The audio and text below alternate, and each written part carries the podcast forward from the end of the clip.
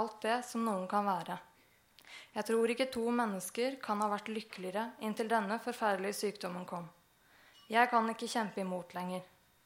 Jeg vet at jeg ødelegger livet ditt, at du skulle kunne arbeide uten meg. Og det kommer du til å gjøre. Det vet jeg. Du ser at jeg ikke engang kan skrive dette riktig. Jeg kan ikke lese. Det jeg vil si, er at det er, det er deg jeg har å takke for all lykke i livet. Du har aldri vist meg annet enn tålmodighet og utrolig godhet. Jeg sier det, alle vet det. Om noen hadde kunnet redde meg, ville det vært du. Alt annet er fratatt meg uten vissheten om din godhet. Jeg kan ikke fortsette å ødelegge livet ditt lenger. Jeg tror ikke to mennesker kunne ha vært lykkeligere enn vi har vært. Selvmordet er en av grunnene til at Virginia Woolf er en myteomspunnet forfatter. I Hermione Lees biografi av Wolf kommer det frem hvordan hun tar form som en utilgjengelig modernist, en highbrow estetiker, en kreativ fantasiskaper, en snobb, marxistisk feminist, historiker av kvinners liv, offer for overgrep, les lesbisk heltinne, kulturanalytiker, alt ettersom hvem som leser henne, og hvilken kontekst. Dette understreker hvordan Woof og tekstene hennes hele tiden endrer seg og opptrer forskjellig for ulike lesere. Det er også bakgrunnen for at Woof blir omtalt som en både-og-tenker fremfor en enten-eller-tenker. For litteraturentusiaster er hun på mange måter en drøm. Men Wolf er også en utfordrende forfatter å jobbe med. Enten man leser henne for fornøyelsen, en litterær analyse, eller man skal lytte til en generell samtale om henne. Både hun og tekstene kan vanskelig kategoriseres. Hun var også svært bevisst på at hun ville unngå klassifiseringer. Når man har funnet én vei inn i tekstene hennes, åpenbarer det seg derfor straks en annen, en tredje og en fjerde. På samme måte som fortelleren eller jeget i A Room of One's opplever esaistiske avstikkere, er det vanskelig å jobbe eller å snakke om Wolf uten å rote seg bort. Og det er derfor jeg må ha manus. Eh, hennes egen tekstproduksjon, forskningen som er gjort på henne, og, nei, og slektskapet til en myriade av ulike teoretiske tilnærminger gjør selv en enkel innledning ganske kompleks. Et sted å begynne er likevel hennes evne til å være nettopp både-og. I tekstene hennes forener hun kontradiktoriske posisjoner både når det kommer til form og innhold. Denne dualiteten og sameksistensen av motsetninger er også til stede når vi nærmer oss tekstene hennes med tid som nøkkel. Wolf utfordrer tidsbegrepet og fremstillingen av tid. Likevel påvirker tidens uunngåelige nærvær tekstene hennes. Måten hun leker seg med, eh, men også nyttiggjør seg av tid som konstant faktor, er ofte det mest iøynefallende i første møte med spesielt romanen hennes. Julia Briggs sammenfatter forholdet mellom Wolf og tid på denne måten. Som en romanforfatter som var opptatt av fremstilling av tidens mange skikkelser Nei, beklager, som en romanforfatter som var opptatt av fremstilling av bevisstheten og subjektiviteten, var Wolf svært klar over tidens mange skikkelser. Tid som upersonlig kraft og som personlig opplevelse. Som delt eller fellestid og som individuell tid. Den regulerte, målbare klokketiden, privat og offentlig tid og årstidenes og stjernenes tid. Wolf var bevisst på tidenes asymmetriske forhold til rom tid i minnet og tid i tanken. I tillegg til kroppens liv, som beveger seg fra øyeblikk til øyeblikk til den endelige tilintetgjøringen av bevisstheten, nemlig døden. Wolf var opptatt av tiden som passerer med familie, venner og partnere. Ikke minst konsentrerte hun seg om tid som historie, enten personlig, familiær, kulturell, sosial eller politisk. Den mest åpenbare veien inn til tid i Wolfs tekster er via den modernistiske eksperimenteringen med form og fremstilling. I romaner som 'Mrs. Dalway' og 'To the Lighthouse' kan ett øyeblikk vare i flere sider, mens en lengre periode konsentreres i én setning. Fortellerstemmen hekter seg ved ulike personperspektiv og fremstiller opplevelsen av tid gjennom deres tanker. På denne måten kan man si at hun fremstiller virkeligheten slik den egentlig er altså slik den erfares, ikke slik det måles eller reguleres. En persons indre opplevelse, målt i f.eks. tre sekunder, er nemlig langt rikere enn det som kommer til syne i den ytre virkeligheten. Hvis jeg stopper opp i tre sekunder, er tankene dere rekker å tenke, langt mer komplekse enn det som tilsynelatende skjer i dette rommet i løpet av den samme tiden. I Wolfs øyne forteller derfor ikke klokketid og kalendertid, målt eller regulert tid, sannheten om menneskelige opplevelser og erfaringer. Konflikten eller kontrasten mellom såkalt objektiv tid og romanfigurenes persepsjon av tid kommer ofte til syne i motsetningen mellom indre og ytre virkelighet. En kort replikkveksling kan f.eks. vare flere sider fordi Woof inkluderer tankene som blir tenkt. Derfor er dette også et av områdene hvor hennes befatning med subjektivitet er spesielt tydelig. Gjennom fortellerteknikker som skiftende perspektiv og fri indirekte diskurs understreker Wolf hvordan tiden oppleves forskjellig av ulike personer i handlingen. Et øyeblikk kan skildres fra flere ståsteder og tolkes ulikt av de involverte. Én versjon av tiden eller virkeligheten er med andre ord ikke nok. Wolf synes å mene at man når den rikeste forståelsen av én situasjon gjennom de mange subjektiviteters opplevelse. Det underliggende spørsmålet reflekterer et filosofisk og psykologisk spørsmål. Eksisterer virkeligheten uten menneskelig persepsjon? Gjennom ulike romanfigurers opplevelse av tid løser Wolf opp den lineære passasjen man vanligvis forbinder med tidens gang. Et øyeblikk kan igangsettes flere ganger og smøres utover varierende personer med tekst. I tillegg vever hun også personenes fortid sammen med deres nåtid. Fortidige minner kommer til overflaten pga. noe som skjer i den umiddelbare handlingen. Et eksempel er begynnelsen av Mrs. Dalway, hvor Clarissa hopper ut i London mens hun samtidig kaster seg ut i minnet av Burton. Selv om språket alltid uttrykkes lineært og sekvensielt, får Wolf fortid og nåtid til å opptre simultant. Gjennom erindringen og den umiddelbare handlingen viser hun de ulike tidene en person har med seg. Wolf utfordrer også kalendertiden gjennom bruk av datoer. Det er ofte mulig å finne finurlige sammenhenger mellom Wolfs liv og datoene som opptrer i teksten hennes. Den siste datoen som er nevnt i Orlando, er f.eks. datoen den ble publisert. Dette er bl.a. med på å relativisere både øyeblikket og måleenhetene vi bruker for tid. Oppløsningen av en objektiv temporal struktur er også viktig i forbindelse med Wolfs feministiske eller demokratiske prosjekt. Med denne tilnærmingen dekonstruerer hun objektiv tid som en overordnet makt og autoritær størrelse. Måten hun utfordrer tid, kan derfor settes i sammenheng med hennes søken etter alternative uttrykksmåter. I skyggen av det autoritære jeget og dets diskurser, gjerne personifisert gjennom figurer som professor von X og Mr. Ramsay, leter Wolf eller fortelleren hennes etter en mer demokratisk form. Paradokset er kanskje at det mest eksperimentelle med Wolfs romaner har blitt den mest vanlige måten å vurdere tekstene hennes. Derfor er det også spennende at mer tradisjonelle former for tid er til stede. Begrepet om tid er nemlig også en konstant faktor i romanen hennes.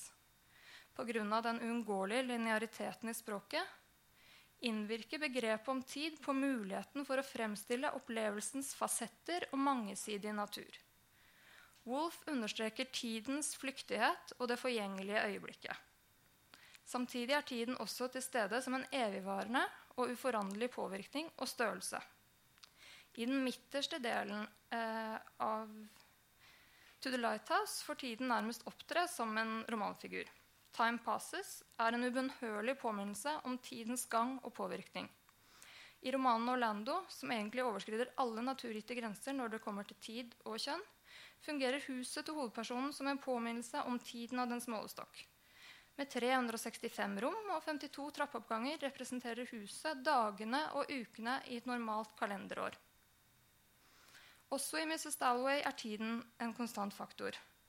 Til tross for at fremstillingen av tiden er eksperimentell og psykologisk, minner slagene fra Big Ben både leseren og romanfigurene om at tiden går. I vid forstand er tidsbegrepet en av virkemidlene Wolf bruker for å utfordre tradisjonelle fremstillinger. Men det er også en av de overgripende strukturene i flere av romanene. To the Lighthouse begynner med én ettermiddag og kveld, fortsetter med det som gir opplevelsen av én natt, og fortsetter videre med det som oppleves som neste morgen. Mrs. Dalway har tolv deler som passer eller deler som passer til arbeidstittelen The Hours. Deler av The Waves fremkaller tidens passasje i naturen, hvor den sykliske endring knyttes til karakterenes gradvise aldring. Strukturen til A Removal Zone baserer seg delvis på forholdet mellom natt og dag. Slike eksempler viser eh, at det man kan kalle objektiv tid, alltid er til stede i romanen hennes. Litt forenklet kan man si at takten eller progresjonen i de mest kjente verkene også baserer seg på krefter man forbinder med tid. Faktisk betinger tradisjonelle forestillinger om tid deler av fremstillingen. Fordi begrepet om tid ofte minner karakterene på den fysiske virkeligheten, er det vanskelig å løsrive begrepet om tid fra begrepet om rom eller sted. Illustrerende eksempler er øyeblikk hvor fysiske objekter tar personene og narrasjonen ut av det indre livet til en ekstern virkelighet. Wolfs ønske om å utfordre fremstillingen av virkeligheten både kobler og bryter eh, sammenhengen mellom tid og rom. Det paradoksale forholdet mellom tid og rom, som både er symmetrisk og asymmetrisk, kan gjerne illustreres ved hjelp av togreiser. Både i The Years og i essayet Mr. Bennett og Mrs. Brown eh, utforskes den simultane utfoldelsen og bevegelsen i tid og rom gjennom togturer. Her kan vi tenke oss begrepet 'her og nå', for på en togtur beveger både hæret og nået seg, og det synes å være en sammenheng mellom tidens gang og bevegelsen i rommet. Men når reisen i rom stopper, fortsetter bevegelsen i tiden. Det asymmetriske forholdet mellom tid og rom kommer til overflaten i andre partier hvor Wolf problematiserer her og nå. Orlando avsluttes idet den når nåtid, og The Years ender i The Present Day. Øyeblikket, eller her og nå, blir også problematisert eh, på bakgrunn av hvor raskt det blir fortid. Gjennom bevisstheten om tidens bevegelse er begrepet om dødelighet en skygge i mange av romanene. Dette kan også knyttes til personenes ønske om å gjøre et avtrykk. Forholdet mellom fortid og nåtid kan også belyses gjennom Wolfs historieforståelse. Hvordan fortiden påvirker nåtiden, er et av de sentrale aspektene ved Wolfs argument i A Room on Zone. Hennes utfordring til hvilke øyeblikk som blir historie, er en viktig del av Wolfs demokratiske prosjekt. Hun konfronterer historiske fremstillinger. På noen måter eh, oppløser Wolf også tiden, for noe eksisterer utenfor. Flere av karakterene hennes vurderer kunst og estetisk skjønnhet som noe som overskrider begrepet om tid. En slik helhet kan gjøre øyeblikket permanent. Kunst er kanskje ikke bundet av tidens orden eller timenes tyranni. Wolf gir i hvert fall kunstneren og forfatteren stor viktighet. Hva menes med virkelighet? Det er tilsynelatende noe svært lunefullt, svært upålitelig. Noe som iblant finnes på en støvet vei, iblant på en papirbit fra en avis på gaten. Iblant ved en påskelilje i solen. Den lyser opp en gruppe mennesker i et værelse eller preger et tilfeldig ord. Den overvelder oss når vi går hjemover under stjernene og gjør den tause verden mer virkelig enn ordenes verden. Og så er den der igjen, i en buss i Piccadilly ståk og støy. Iblant synes det også som om den dveler i former som er så fjerne at vi ikke kan skjelne deres natur. Men hva den enn berører, den fastholder og gjør permanent. Det er den som blir igjen når dagens skall er kastet vekk. Det er den som står igjen av fortiden og av vår kjærlighet og vårt hat. Nå tror jeg en forfatter mer enn andre mennesker har mulighet for å leve i nærværet av denne virkeligheten. Det er hans oppgave å finne den og meddele den til oss andre. Dette sitatet hadde selvfølgelig vært et ypperlig sted å stoppe. Men som en av Woe fortellere nok ville påpekt, er det visse konvensjoner som krever en form for avslutning. Som denne korte oversikten viser, er tid en av de mange nøklene man kan bruke for å åpne Wolf for forfatterskap. Men det bør også være en av veiene ut av verkene hennes. Er Wolfs arbeid relevant i dag? Personlig syns jeg det ville være veldig trist hvis eh, arbeidet hennes bare var relevant for tunge litterære analyser eller eh, strukturalistisk detaljfokus.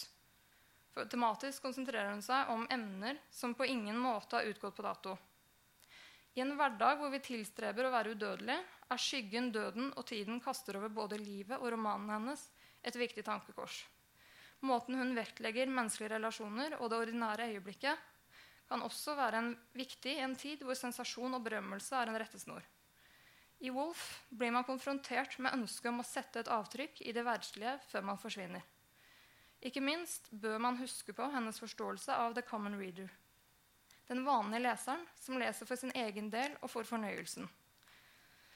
Wolf utfordrer leseren både når det kommer til form og innhold.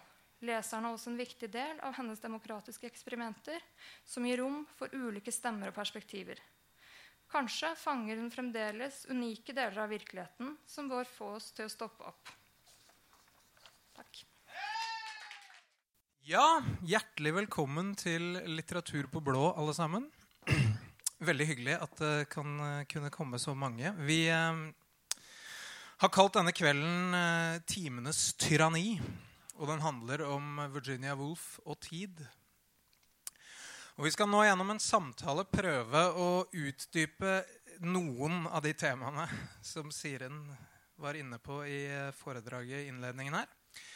Og De som skal gjøre det, er fra Høyre Siren Hole, litteraturviter, som har jobbet mye med Wolf. Og forfatter Vigdis Hjort, som vi også må kunne kalle en erfaren Wolf-formidler. Så velkommen til dere to.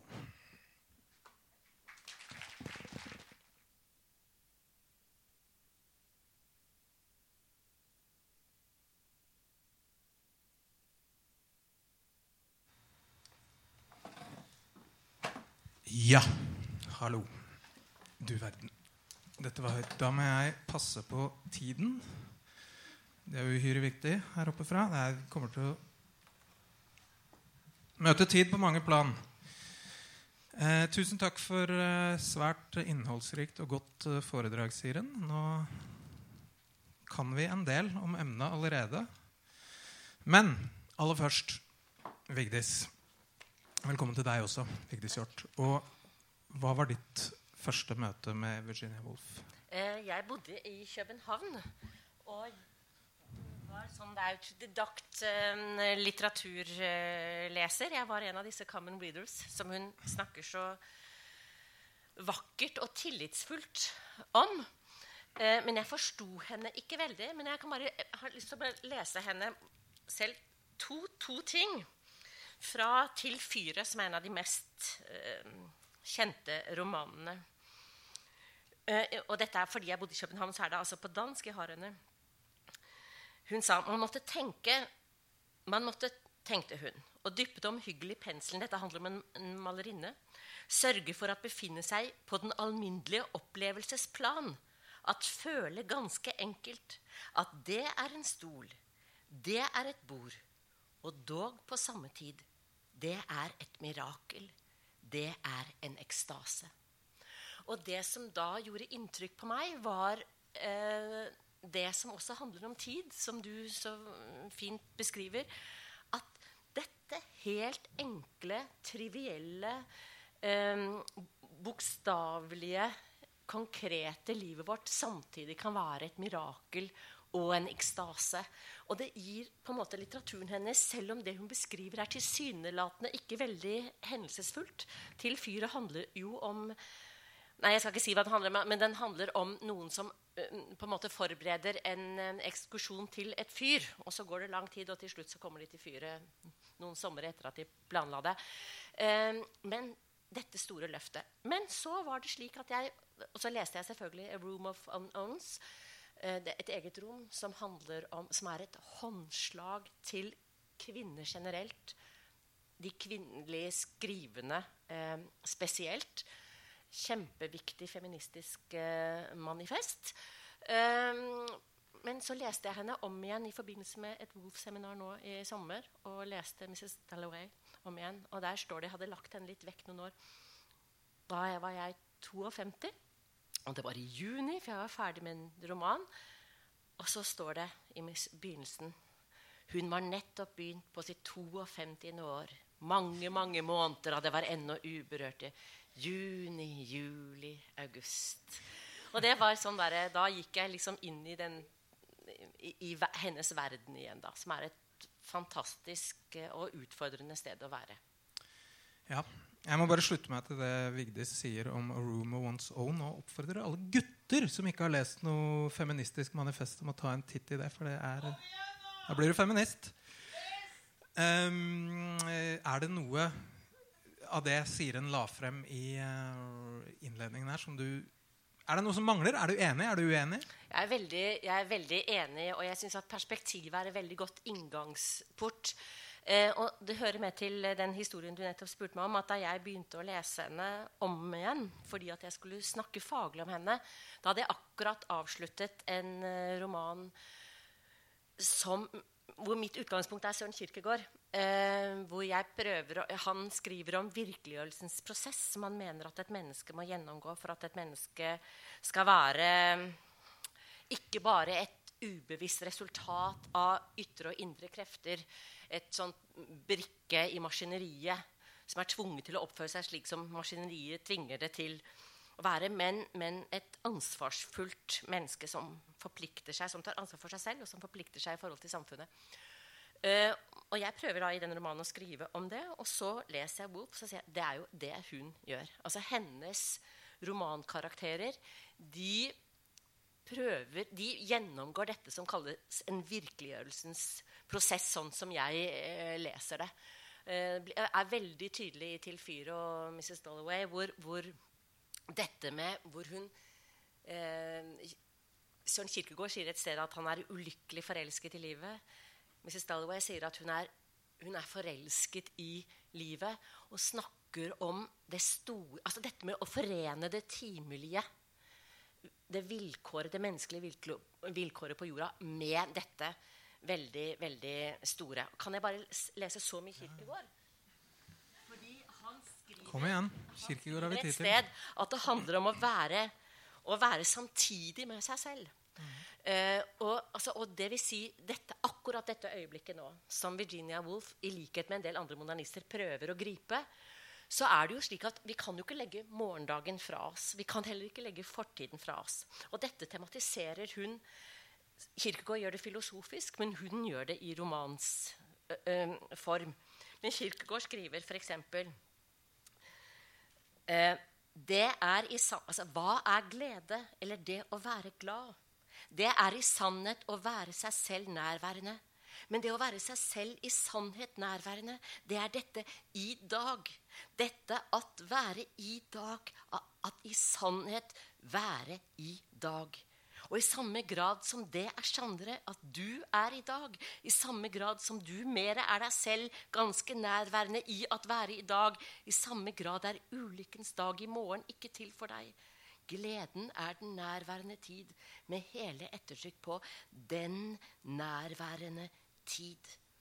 Og det er det Virginia Woolf gjør, syns jeg. Altså hun fastholder dette øyeblikket og gir det all det store perspektivets fylde. på en måte da. Så hun fyller dette ganske trivielle Mrs. Dalloway som er ute og skal forberede et middagsselskap, fyller livet hennes med pust og lukt og et bankende, bankende hjerte. Ja, Middagsselskapet i uh, To Lighthouse er jo et veldig godt eksempel på det.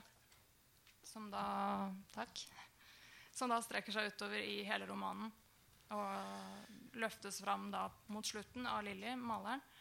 Og middagsselskapet i To the Lighthouse vi prater om nå? bare sånn for, ja. ja. Eh, hvor Lilly da skaper en kontakt mellom bildet hun har malt, og konstellasjonen som eh, Mrs. Ramsay har fått til under middagen. Og Da kommer vi fram til at de to egentlig gjør det samme. altså de, Det er noe kreativt i begge deler. Eh, og Lilly kommer fram til at hun har gjort dette øyeblikket permanent. da. Så det er også noe om hvordan det forgjengelig blir gjort til noe evig uten at man har blitt rik eller berømt. da. Er det, er, det, er det, når Mrs. Ramsay får til For det er, et, det er en sekvens i denne berømmelige middagssekvensen et lite øyeblikk hvor Mrs. Ramsay ser gjennom illusjonene. Hun ser nei, dette går ikke. Det er så stygt her. Ingen prater med hverandre. Nei, vi vil Hvordan, ikke, vi vil ikke kobles, da. Ja, vi, vi, klarer, vi kobles ikke. Og så sjokker hun seg selv liksom litt til, og så får hun det til. Da. Hun klarer å få folk til å prate med hverandre osv. Er det da hennes imprint in time, eller hva du var ja. inne på i det, ja, det er det. Ja, ok. Ja, det er hennes ankomst til Og det er det i hvert fall det Lilly kommer fram til på slutten. Og når Lilly trekker den streken, eller stroket, da, på midten av bildet hennes, så er det det samme ja, helhetlige konstellasjonen som hun kommer fram til. Ja. Ja. Altså, Et middagsselskap er en alvorlig ting. ja, veldig godt poeng. Eh, Det er ikke noe man skal kimse av. Og det er en insistering på at hvert øyeblikk her Nå fant jeg ikke det avsnittet, men det er noe med hvor det står om biffen. Husker du det avsnittet? Eh, eh, ja, nei, men altså det, Jeg finner ikke det. Men hun skriver om Hun er litt sånn fordi det, det middagsselskapet Hvordan går det? og sånn, Så skriver hun eller så, altså, Virginia Woolf skriver det om dette kjøttstykket som er blodig perfekt stekt, som skal skjæres sånn. Så tenker dette er evig. Dette kommer til å vare ved. Dette kan ikke forsvinne. Denne møre biffen, hun er lykkelig.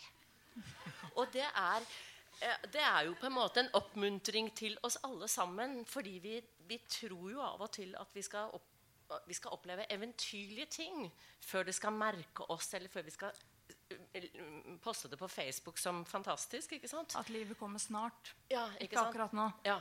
Men det, det er en insistering på, på det. Så hun står i en kirkegårdsk eh, tradisjon. Og det som jeg syns er veldig interessant, er hvordan hun Som for, forbauset meg når jeg begynte å lese. Og jeg, så vidt jeg vet, så har ikke Simone de Beauvoir nevnt henne. Altså Veldig mange kobler de to sammen. Jeg tror ikke hun nevner henne som kilde. At det faktisk finnes en sånn innmari stor strek mellom det som foregår på de britiske øyer, og det som foregår på mm, på, på kontinentet, altså på, i, i Frankrike. i forhold til, Det er veldig interessant. Dette vet sikkert du eh, mye om. For jeg er litt interess interessert i at de ikke kommuniserte så mye sammen. Men Nei, Nei. jeg, akkurat det vet ikke jeg så nei, om. det er veldig to forskjellige tradisjoner, tro- selv om de er ja, Jeg, ville jo, jeg har alltid trodd at det har vært en veldig etablert lenke mellom Simone de Beauvoir og Virginia Woolf, men Nei, det er eh, ikke fra Simone de Beauvoirs eh, side. Jeg mener det er en unnlatelsessynd. Men det er klart at eh, Virginia Woolf forholdt seg sterkt til Prost. Eh, det gjorde Ja, det er uten tvil. Ja, men, så, men ellers er det liten kontakt over der, og det, det er litt Kanskje i hvert fall i det feministiske, da. Men Ja. i det som går på det litterære og det filosofiske mer, tror jeg det var mer kontakt. Ja. Men så tror jeg mange av de holdt tilbake hva de egentlig hadde lest og ikke. da. ja. Eh, Vi snakker Hvis, om Freud eh, nå. Ja. Jeg tror hvis, Kanskje vi kommer innom Freud. Men jeg har lyst til å prate om eh, Siden vi nå har kalt denne kvelden for 'Timenes tyranni' Vi har allerede vært litt inne på det, men vi må prate litt mer om romanen 'Mrs. Dalloway', mener jeg, da. Og som du var inne på, Siren, så er jo da arbeidstittelen til denne romanen var 'The Hours'. Samme som filmen, ikke sant? Og så ble den endret til 'Mrs. Dalloway'. Og allerede der ser vi jo den forskyvningen fra klokketid til subjektiv tid, ikke sant, som du var inne på. Kunne du si litt, Siren? Hvordan kommer denne subjektiv-objektiv tid-problematikken fram i romanen? Jeg tenker først og fremst at i den forskyvningen av tittelen så går fokuset til karakterene, rett og slett. Sant? Eh, Sammenligna med den vanlige handlingen, altså i normal forstand av mimesis, da, så er karakterene, eller personene, underordna handlingen. Mens i Wolfs verker så blir de overordna. Altså det er de som styrer handlingen. Så det er et slags, en slags overgang i verdenslitteraturen der, da, vil du si? Eller? Jeg, jeg, tror, jeg vet ikke om jeg skal si akkurat det, men uh, jo, OK, la gå. Ja, vi sier det. Ja. Um, ja, og her går vi da inn i, inn i karakterene istedenfor å bare være utenfor. Sånn at det er opplevelsen karakterene altså, det, er, ja, det indre livet da, som uh, blir viktig. Som ikke synes så veldig viktig for eh, en realistisk tradisjon. Da. Men det er jo nettopp dette er et opprør mot realismen. Um, du, du, ja, det er opplagt at det er et, eh, et eh, oppgjør med realismen. Men hva mer tror du hun hva er, hva er det hun prøver å tilføre romansjangeren? Er det mulig å si noe mer om det? Ved å flytte fokus inn i personene? Ved å legge ja, mindre vikt på det på det jeg sa om handling. Da. Altså at det ikke er plottet som er overordna lenger. Det er karakterene og det livet de har.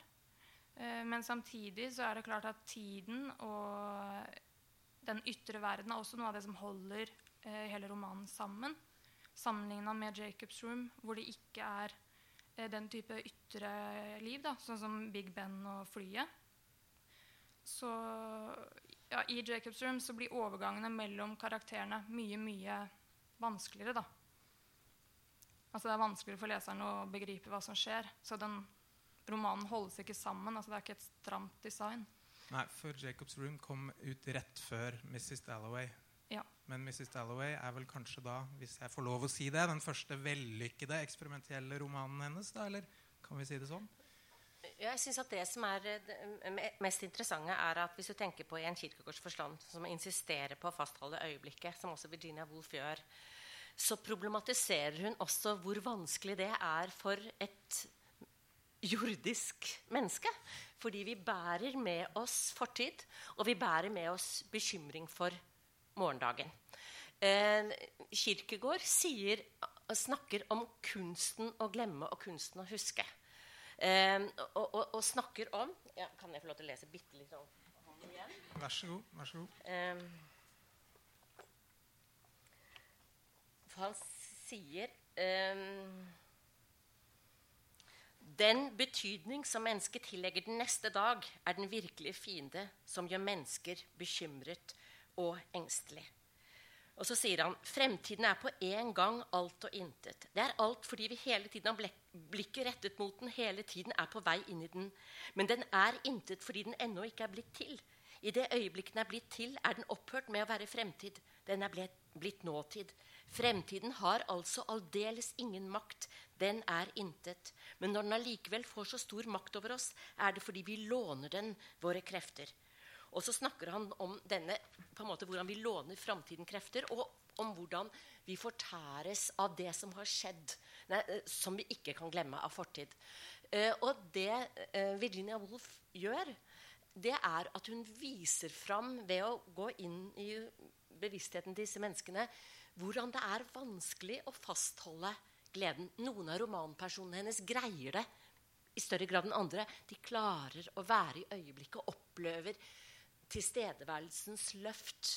Men det er jo andre karakterer som sliter så mye med fortid. Krigstraumer, f.eks. Eller med redsel for framtiden. Så hun, hun, viser fram dette dilemmaet vi har da, som mennesker. Ja, Samtidig så er det viktig at måten vi blir kjent med personene, er jo nettopp gjennom fortiden deres. Sånn som i Mrs. Dalloway så løftes da fortiden fra Burton fram eh, for å se hvordan disse personene eh, hva slags samhandling de hadde tidligere. da.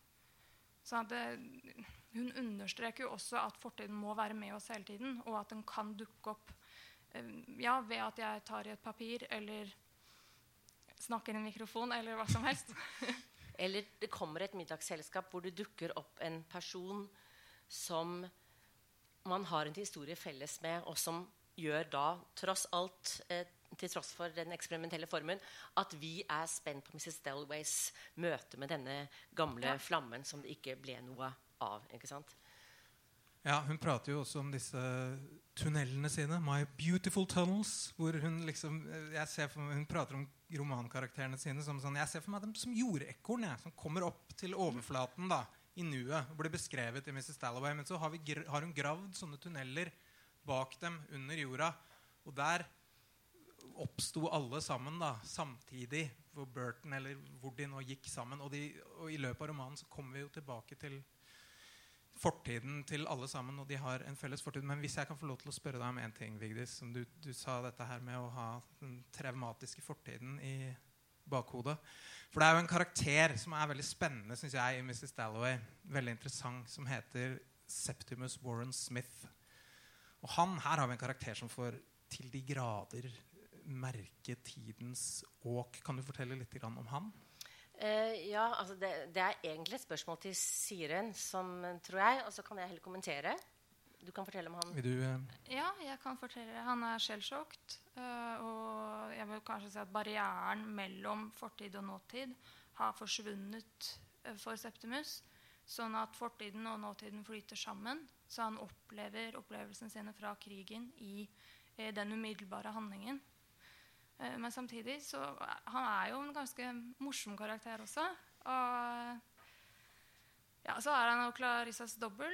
Eh, og da Wolf legger nok eh, fra ganske tidlig i romanen ganske tydelig hint om at det er en eller annen kobling mellom dem. Og der tror jeg hun leker seg litt med leseren. for leseren av tradisjonell litteratur vil kanskje le lete etter andre koblinger. Så noe av det hun understreker, er kanskje at det finnes helt andre ting som knytter oss sammen som mennesker. da. Altså disse båndene som ikke nødvendigvis er synlige. Men det er, en, det er jo et pasifistisk eh, budskap, opplever jeg. Altså at det er en, en fortelling tilsynelatende liksom udramatisk. Vi er i etterkrigstiden. Men hun kan beskrive på en sånn, sånn helt veldig rar måte. Hun er jo veldig kjent i London. Altså London er på en måte hennes hjem. Hun, hun går der, og det er et sånn stort rom. Det å gå bare for å hente en blyant, som ikke er et hvilket som helst redskap for en forfatter. Ut på vandringer hvor hun ser og opplever London veldig sanselig. Og så kommer det et fly på himmelen, sånn reklamefly. Men hun får den følelsen av flyene fra, fra den gangen. Og det står ikke eksplisitt, men du bare får den fornemmelsen av fly. Uh, og Septimus han jo, har jo erfaring fra annen verdenskrig som han jo ikke kan legge bak seg. Og i denne liksom Lond travle London, og folk handler, og det er blomster som lukter, og hun skal handle inn til dette, så lever det altså et menneske som gjenopplever krigserfaringen midt blant de andres travelhet, og som på en måte ikke kan holde det ut. da. Så jeg syns jo at hun er, hun er jo politisk eh, på sin liksom ikke-politiske ja, måte. Det er jo noe som virkelig eh, kjennetegner henne. Og et av spørsmålene som ligger under hele handlingen i Mrs. Dalloway, er jo altså, er krigen egentlig over. Mm. For krigen henger over hele romanen som altså første verdenskrig da, som en, eh, ja, en skygge. Akkurat sånn som døden henger over eh, ja, flere av karakterene. Mm. Og bare si fort at Da kan jeg anbefale en bitte liten tekst som heter 'En mølls død'. Hvor hun skriver om Hun sitter og skriver. Jeg sitter og skriver. Dette er et lite essays. Og så ser hun en sånn liten møll som flyr i vinduskarmen. Frem og tilbake. Og dette rommet er jo veldig lite for denne møllen, for vinduet er jo så lite. Og møllen kan ikke se det som hun ser, som hun beskriver. Åsene, himmelen, tordenværet som er Alt dette kan ikke den møllen se. Men møllens lille liv, der den er Selvfølgelig tenker jeg sånn, det bildet på hvilke enorme ting i universet vi ikke har oversikt over. Her er vi som møllen, ikke sant? gjenvist til vårt lille. Og så hvordan han møllen på en måte Ja, den dør, da.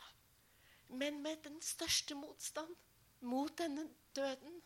Og den kommer over på ryggen og hun blir opptatt av den. Hun vil hjelpe den opp med en blyant, men det hjelper ikke. Og så å, med en kraftanstrengelse så greier den å snu seg, og så er den der oppe igjen.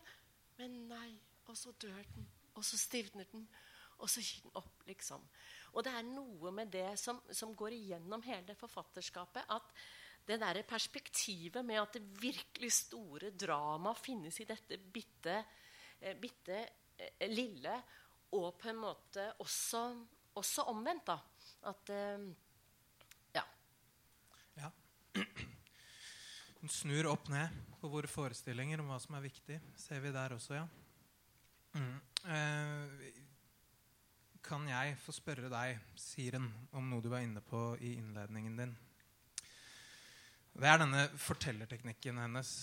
For den er jo spesiell. Vi har vært inne på det. Men eh, er det rett og slett Jeg lurer litt på hvorfor da hun gjør det. Og er det er det for å skildre Er det, er det for å skildre subjektet på en mer sannferdig måte? På å prøve å herme bevissthetens tilnærming til virkeligheten? Altså ved å snu om på ned på kronologien, kan man si det sånn? da? Ja, det er jo et forsøk på å fange sånn som vi egentlig tenker. Eh, og det som er spesielt for hver karakter. For her er det en tredjepersonsforteller. Så det er en fortellerstemme, men fortellerstemmen hekter seg ved et perspektiv. Og bruker da ordene som hver karakter ville ha tenkt med. Så det er rytmen og syntaksen til karakterene, men det er stemmen til en utenforliggende instans. da. Så fortellerstemmen er ikke borte, men den er nesten usynlig. da. Ok, Så hun er både utenfor og inni på en gang? Ja, mest inni. mest inni. Men jeg synes nok sånn helt overordnet at du kan si noe som Louis Borges har sagt, altså den, den uh, argentinske forfatteren. altså at Han sier et sted Hva er denne vev av var, er og skal bli? Det er på en måte en sånn overskrift over hva hun uh, utforsker. Men noe som er veldig interessant synes jeg, for, for uh, kvinner, det er jo at hun uh, Det er jo en del forfattere som selvfølgelig har gjort det samme. Hun står i en tradisjon. Vi har nevnt Prost. Men hun insisterer på den kvinnelige verden som like full av fylde. Som, og det, det, tror jeg er en av de første som, som gjør det. Eh, der hvor Hemingway skriver om sant, spanske borgerkrigen og alt mulig sånt, så er, så er det dette middagsselskapet. det er derfor liksom blomstene som uh, Clarissa skal kjøpe i begynnelsen, at hun skal kjøpe dem selv, det er en av tingene. Ja. Og middagsselskapet til Mrs. Ramsay. Og bare varmen til Mrs. Ramsay og evnen hennes til mellommenneskelige relasjoner. da, som, uh, som, som treffer alle uh, romanfigurene i To the Lighthouse. På et eller annet vis, i hvert fall. Mm. Og så dør hun, og så Ja, hun dør i en parentes. Mm. ja. Ja. dette er jo får jeg også litt sånn gjenhør fra, fra A Room of One's Own, hvor hun på en måte blir politisk. Og det er annet enn slag, krigsmotiver, som det kan bli god Altså Kjøkkenet kan være et like viktig litterært motiv. Sier hun ikke noe sånt nå? Ja. Det, Eh, jeg jeg syns kanskje akkurat kjøkken var litt uheldig å hente fram. Nei, ja, selv om beklager, sier sorry, det. men, uh, men uh, På den tiden var jo det en ja, men hun, hun, hun setter f.eks. fotball og fashion opp mot hverandre. Da. Hvorfor er det sånn at, uh, at fotball er, mer, er viktigere enn fashion, f.eks.? Men kan jeg få lov til å gi stemme til denne damen selv? Bare se et, et avsnitt som jeg syns er fantastisk. Hvis du tenker på denne romanen, som er altså så utfordrende. og det, hun, hun, skulle holde et foredrag for kvinnelige studenter. Det er ni, dette er 1928. Det er ni år siden kvinner fikk stemmerett i Storbritannia. Eh, og vi har litt sånn lett for å glemme denne historien. Og det er også noe hun insisterer på. Ikke bare i romanene sine, men i sine essays, og som tenker at hun holder denne historien gående. Og i denne, ø, ø, dette essayet, langessayet så tar hun et lite tankeeksperiment. Hun snakker om Shakespeares søster, som ligger begravet i et eller annet sånt uh, lyskryss. Som aldri fikk sjansen. ikke sant? Aldri fikk pga. historiske omstendigheter. Hvordan kan jeg jeg bare tar slutten, bare fordi det er så ja. Hvordan kan jeg videre oppmuntre dere til å hanskes med livets affærer? Unge kvinner, vil jeg si, vær så vennlige og gi meg deres oppmerksomhet, for nå kommer slutten, og dere er etter min mening skammelig uvitende. Dere har aldri gjort en eneste betydningsfull oppdagelse. Dere har aldri fått et imperium til å skjelve eller ført en hær i krig. Shakespeares skuespill er ikke skrevet av dere, og dere har aldri tilført et barbarisk folkeslag sivilisasjonsvelsignelser. Hva kan dere unnskylde dere med? Det er vel og bra at dere kan peke på gater og plasser og skoger over hele kloden som svermer av svarte og hvite, kaffefargede innbyggere, alle sammen travelt opptatt med trafikk og tiltak og elske av å si vi har hatt annet arbeid mellom hendene. Uten vår medvirkning ville de ha vært, hav vært uutforsket og de fruktbare land vært ørken. Vi har født og fostret og vasket og lært opp, kanskje til de var seks-syv år gamle, de 1623 millioner mennesker som ifølge statistikken eksisterer i dag. Og det tar tid, selv om enkelte fikk hjelp. Det er sannhet i det dere sier. Jeg vil ikke benekte det. Men samtidig vil jeg få minne dere om at det har eksistert minst to colleger for kvinner i England siden året 1866. At etter året 1880 var det tillatt ved lov for en gift kvinne å eie sin egen eiendom, og at i 1919, hvilket er hele ni år siden, fikk hun stemmerett. Må jeg også få lov til å minne dere om at de, de fleste yrker har vært åpne for dere i nærmere ti år nå. Når dere reflekterer over disse fantastiske privilegier og hvor lenge dere har kunnet glede dere over dem, samt det faktum at det i øyeblikket må finnes omkring 2000 kvinner som er i stand til å tjene over 500 pund i året på et eller annet vis, da vil dere være enige i at det ikke lenger nytter å unnskylde seg med mangel på muligheter, opplæring, oppmuntring, tid og penger. Dessuten forteller økonomene oss at Mrs. Seton har hatt for mange barn. Dere må selvfølgelig fortsette å føde barn, men bare ett, to eller tre, ikke ti eller tolv, sier de. Altså, med litt tid mellom hendene og med litt boklig lærdom i hodet. Dere har hatt nok av annen lærdom. Og jeg har mistanke om at dere delvis blir sendt til universitetet for å bli avlært. Burde dere utvilsomt legge ut på et nytt stadium av deres meget lange, meget strevsomme og høyst ubemerkede karriere. Tusen penner er rede til å foreslå hva dere bør gjøre, og hvilken virkning dere vil få. Mitt eget forslag er litt fantastisk, det skal jeg medgi, og jeg foretrekker derfor å fremme det i form av diktning. Jeg fortalte dere i denne forelesningen om at Shakespeare hadde en søster. Men dere må ikke lete etter henne i sir Sidney Lees Shakespeare-biografi. Hun døde ung. Hun skrev dessuten dessverre aldri et ord. Hun ligger begravet der hvor bussene stanser nå, rett overfor Elephant and Castle. Nå er det min tro at denne dikteren, som aldri skrev et ord, og som ble begravet ved veikrysset, hun lever fremdeles. Hun lever i dere og i meg og i mange andre kvinner som ikke er her i kveld, for de vasker tallerkener og legger barna. Men hun lever, for store diktere dør ikke. De er evig nærværende. De trenger bare en mulighet til å kunne gå blant oss i kjøtt og blod. Jeg tror at denne muligheten står det nå i deres makt å gi henne. For jeg tror at hvis vi lever enda et århundre eller så Jeg snakker om det felles liv som er virkelig liv, og ikke de små, atskilte liv vi lever som individer. Og hvis hver av oss har 500 pund om året og et eget rom, hvis vi venner oss til å være fri og har mot til å skrive nøyaktig det vi tenker, hvis vi kan unnslippe litt fra den felles dagligstua, ikke alltid se mennesker i forhold til hverandre, men i forhold til virkeligheten og himmelen også, og trærne, eller hva det nå måtte være, slik som de er i seg selv. Hvis vi ser forbi Miltons skremsler, for intet menneske skulle få stenge for utsikten. Hvis vi ser faktum i øynene, ja, for det er et faktum at det ikke finnes noen arm å klynge seg til men at vi alle er alene, og at vårt forhold til, er til virkelighetens verden, og ikke bare til mennenes og kvinnenes verden. Da vil muligheten være der, og den døde dikter som var Shakespeares søster, vil iføre seg det legeme som hun så ofte har lagt av seg, ved å suge liv fra de ukjente liv som har gått forut, slik som hennes bror gjorde før henne, vil hun bli født. Og tanken på at hun skulle komme uten den forberedelsen, uten den innsatsen, fra vår side uten den beslutning at hun, når hun er født på ny, skal finne det mulig å leve og skrive sin poesi. Den er utenkelig, for det ville være umulig.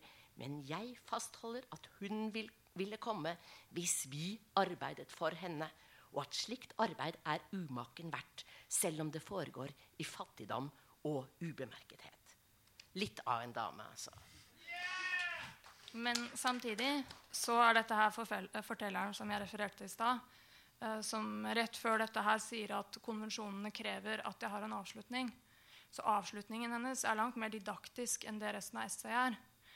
Og personlig syns jeg det er ekstremt viktig å huske at uh, det ikke bare er innholdet i A Room on Zone som er uh, politisk og revolusjonerende, men det er rett og slett formen.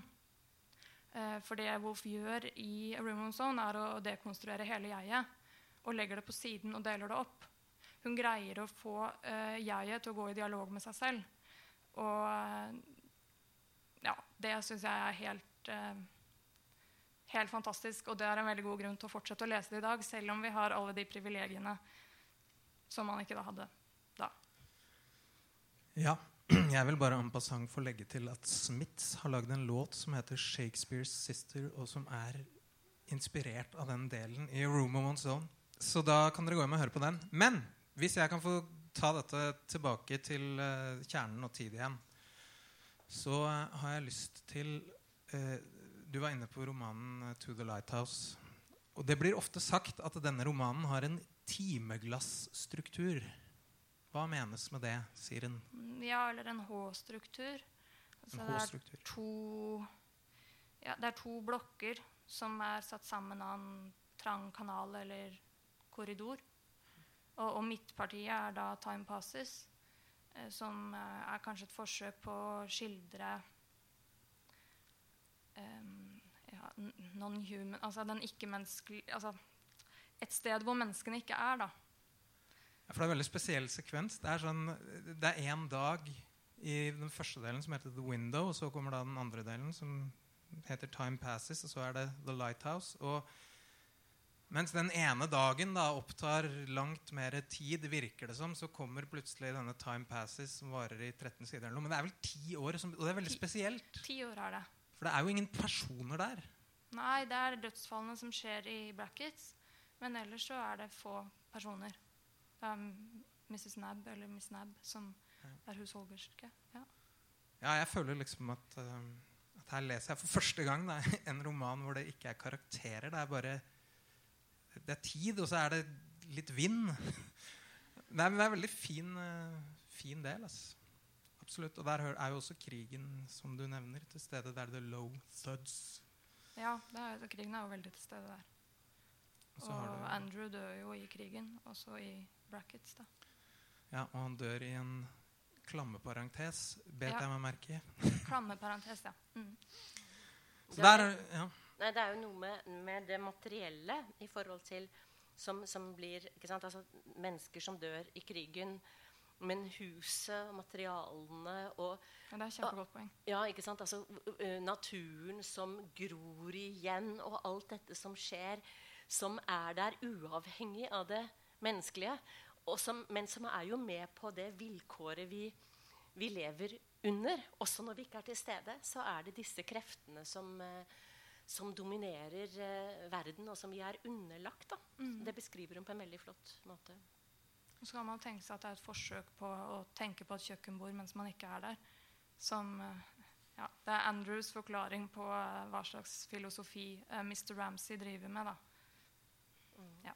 Og uh, Virginia Woolf skriver i et, et, brev til en venn om dette med å alltid være seg selv og samtidig aldri være det.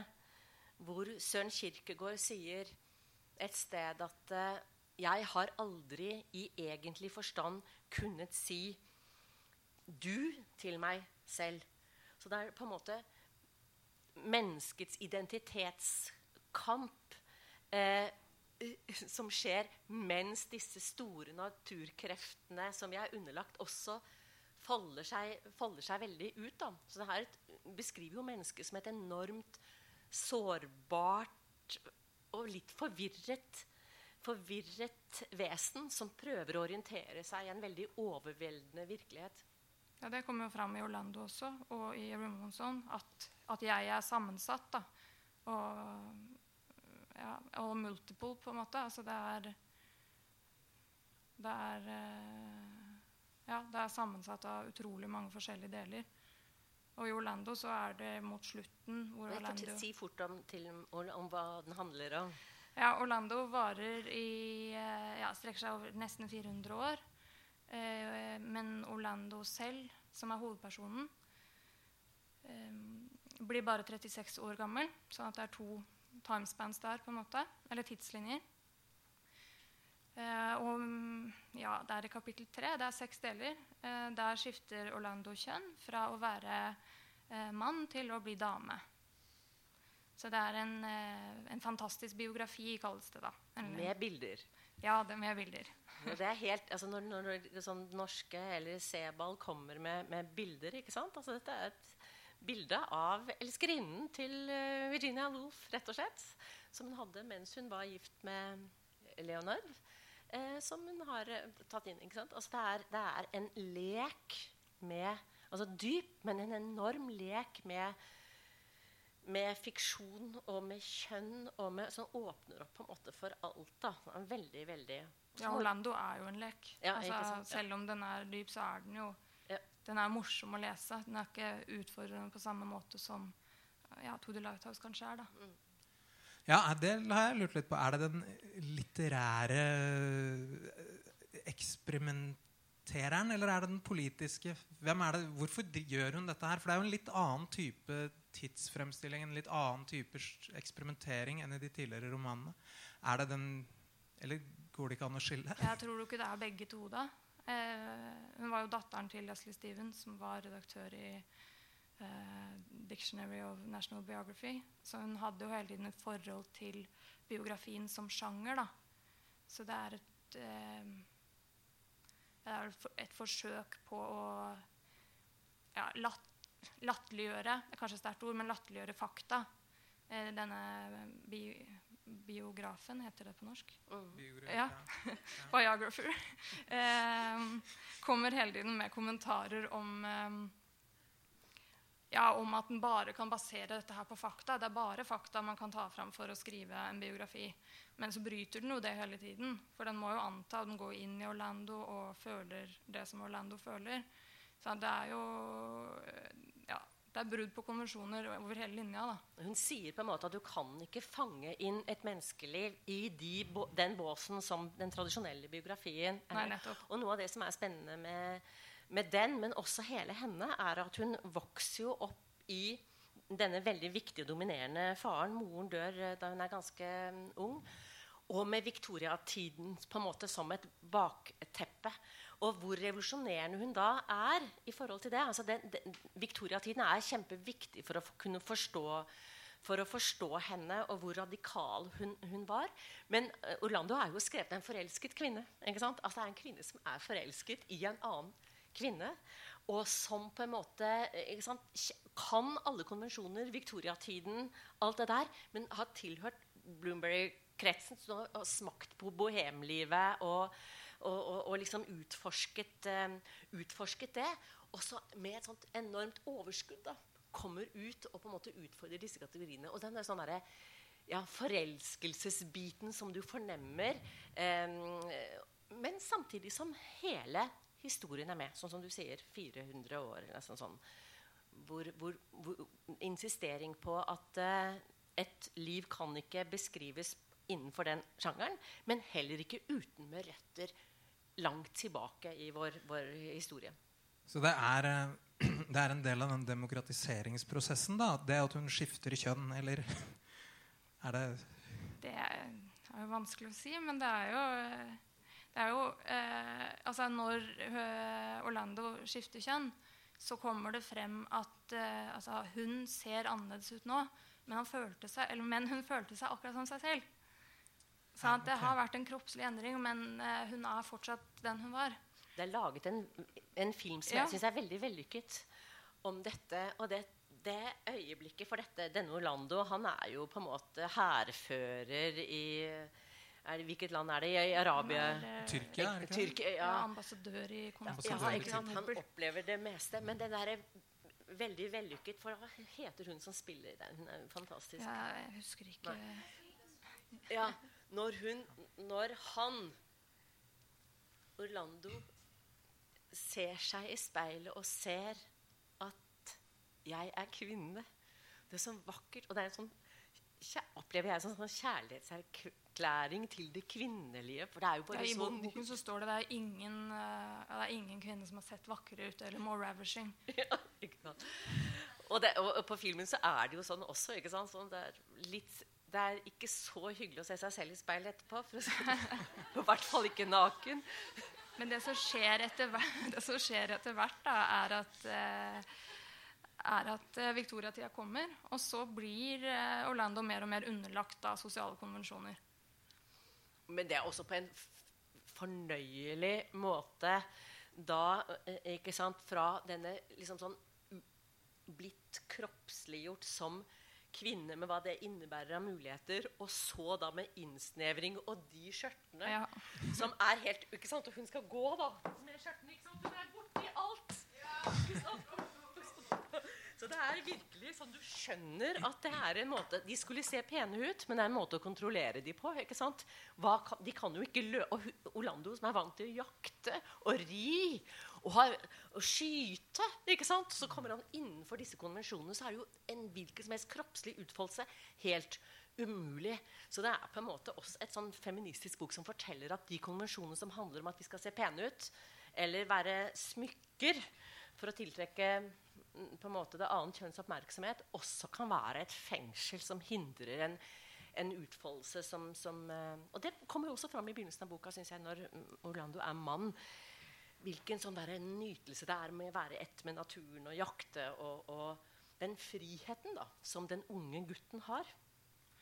Ja, og når eh, hun er kvinne, så, og i Victoria-tida, så er en av ja, En av de tingene som blir sagt, er ja, nå som jeg er i denne tiden, så er, er vel den eneste måten jeg kan Jeg husker ikke akkurat hva det er, men det, poenget er i hvert fall at hun føler at hun må bli gift. da.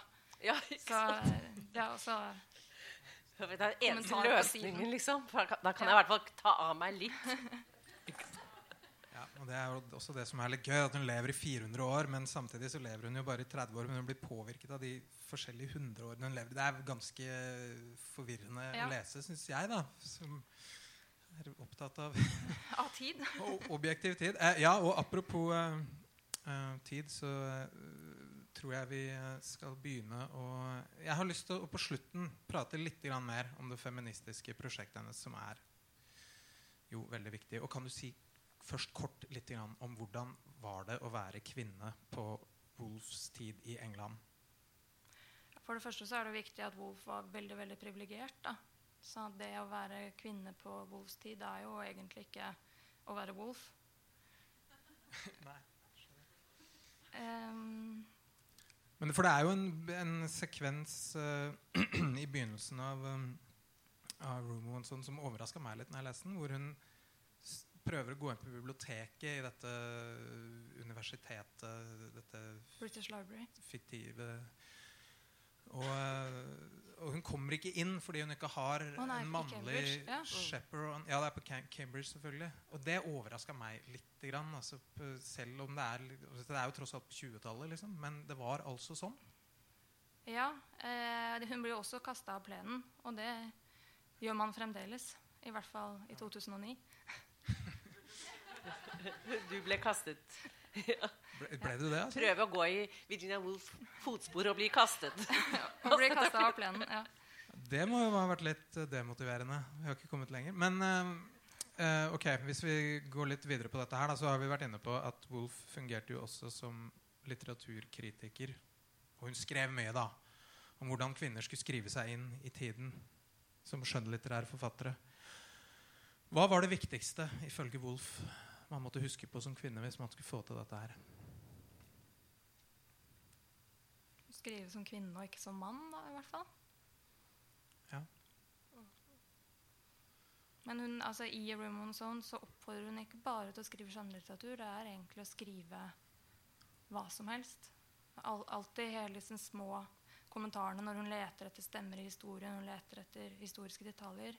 Ja, hvis bare en student fra Gurton eller Newham hadde skrevet en bok om det. Og så er hun veldig solidarisk i den forstand at hun løfter fram tidligere og samtidige kvinnelige forfattere.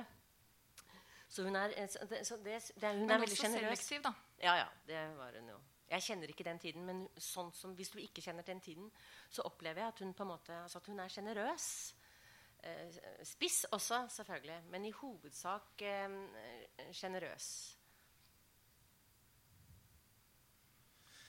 Um, helt til slutt, Vigdis, så vil jeg gjerne stille deg et spørsmål for å, ja, for å bite oss selv litt i halen og for å trekke, trekke det litt inn i vår tid. Det, eh, har du noen eksempler på noen senere forfattere som har latt seg inspirere av særlig den tidseksperimenteringen, tidsfremstillingen hos Wolf? Fins det noen eksempler på det?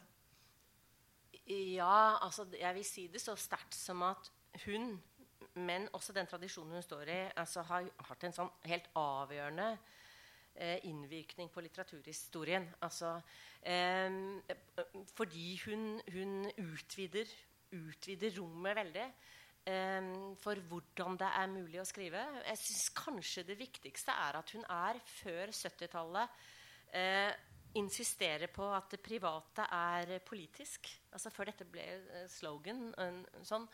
Eh, og løfte fram det som av veldig mange, og fremdeles av og til i dag, eh, kan, kan eh, betegnes som en, en liten verden. Altså at på en en, en håndveske er på en måte mindre interessant, eller en, en, en dokumentmappe, en leppestift, er mindre interessant enn en sånn, typisk mannlig rekvisitt. Altså et, et halstørkle er kjedeligere eller mer trivielt enn et slips. Um, så hun på en måte løfter fram, fram den verden, hun insisterer på, på, um, på at den verden er like, like full av betydning og, og mening som den, den, større. Men hvis jeg skal trekke fram én, så tror jeg kanskje, uten at jeg er ikke så Jeg er jo ikke litteraturviter på den måten, men jeg, jeg syns at en som dere sikkert kjenner til, det er Margaret Rass. Altså, som har noe av um, Jeg tror hun har lært en del av Virginia Woolf når det gjelder det å på en måte fylle scener. Altså, hennes bøker er jo så korte. Ikke episke i en tradisjonell forstand, men det er veldig fullt Det er en enorm fylde i disse små kortromanene som er på en måte sånn å insistere på at det som kan tilsynelatende er små scener, kan være helt avgjørende og veldig fulle av liv og betydning og avgjørende. Ja, avgjørende da. Men hun har også lært oss at litterære motiver kan være hva som helst. Det trenger ikke være krig og mord for å ta de ja, russiske mennene da, som kommer foran, og som f.eks. Virginia Woolf var litt opptatt av. Så Det er selvfølgelig en viktig poeng du peker på der. Hun beskriver jo, og hun har jo også en bok om en, hun, hun skriver jo en biografi om en hund. Ja. Ikke sant? Ja. Det, ja. Det er jo øyeblikket, da. Ja. ja. Nettopp. Nå! Ja, og da har vi kommet til uh, endeøyeblikket her, tror jeg. Så uh, jeg vil først kanskje spørre om det er noen som har noen spørsmål. Ja, jeg, jeg har et spørsmål. Yes, vær så god. Jeg improvisere? Improvisere vei.